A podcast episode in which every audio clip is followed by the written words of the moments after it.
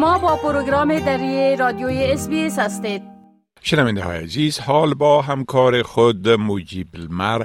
درباره یکی از رویدادهای مهم صحبت می کنم آقای المر سلام عرض می کنم خب ادامه بلند بودن مخارج زندگی در استرالیا و اثرات از او بر زندگی مردم از جمله مسائل و حوادث مهم مهم روز است. بله.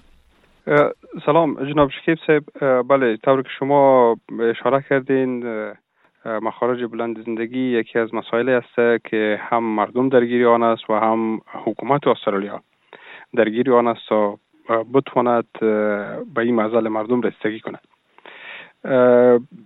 همکارای ما از بخش انگلیسی یک گزارش را در این مورد داشتن و اونا از یکی از باشندگان استرالیا نقل قول کردن که شما باید غرور خود را زیر پا بگذارید تا بتوانید مخارج زندگیتان را برآورده کنید.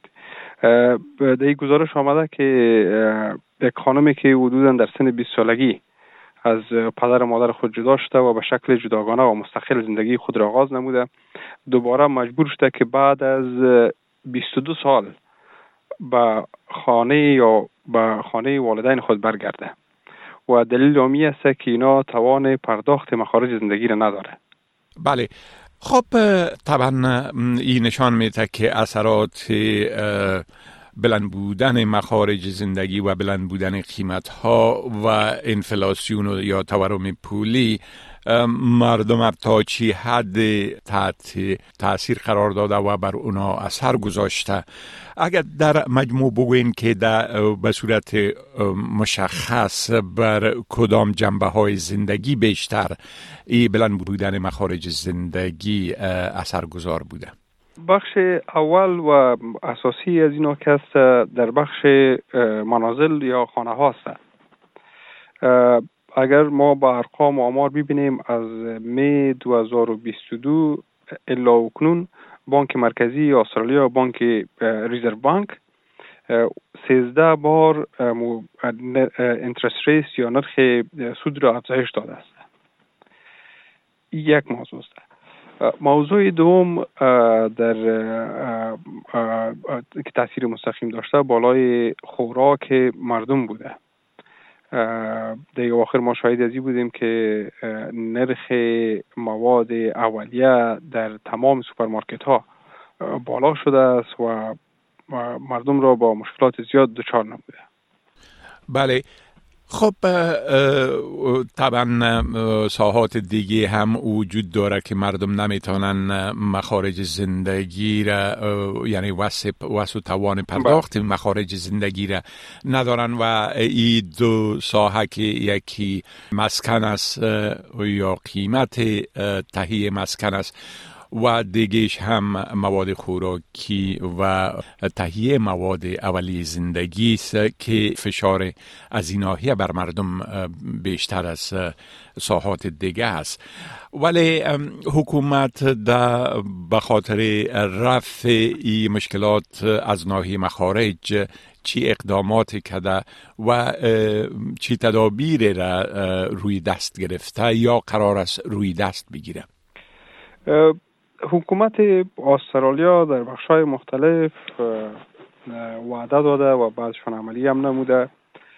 مثلا در بخش چایلد کیر یا کودکستانا اونا در سال در جولای 2023 اعلان کردن که ما 90 درصد سبسایدی میتیم و به می شکل در بخش بل برق اینا گفتن که کس خانوادهایی که توان پرداخت بل برق نداره ما می‌تونیم که الا 500 دلار به اونا کمک کنیم.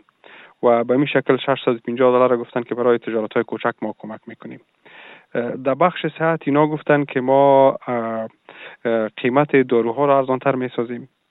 و ایرا هم گفتن که ما 50 مرکز صحی جدید برای نو را ایجاد می‌کنیم.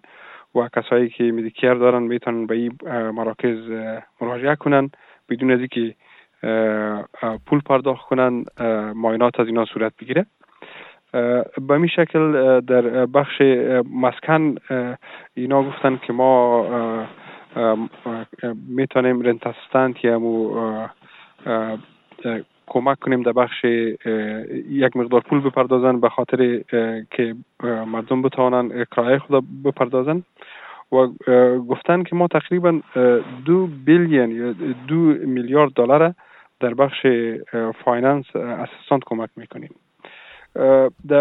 در ضمن از اینا گفتن که در معاشات کارکنان و کارمندان که در چی در بخش دولت کار می‌کنن یا در بخش خصوصی کار می‌کنن حدود 207 میلیون کارکنی که هست در معاشات از اونا افزایش آمده و این افزایش 8 اشاری 6 فیصد است. در بخش تعلیمات تحصیلات هم گفته که اینا 480 هزار بورسیه به خاطر تعلیمات تکنیکی و مسلکی که در تیف هست او را روی دست دارن و 300 هزار از این در سال در جریان می سال قابل دسترس است. در بخش تجارت های کوچک هم حکومت گفته که با سبسایدی بر در بل برق میتیم. و همچنان ما آماده هستیم که در قسمت انرژی خورشیدی با کسایی که تجارت های کوچک داره با اونو همکاری کنیم. بله خب بسیار تشکر آقای المر از معلوماتتان و فعلا شما را به خدا می سپارم و روز خوش برتان آرزو می کنم روز خوش شکیب سیف سلامت باشین. می خواهید این گونه گزارش ها را بیشتر بشنوید؟ با این گزارشات از طریق Apple Podcast، Google Podcast، Spotify و یا هر جایی که پادکاستتان را می گیرید گوش دهید.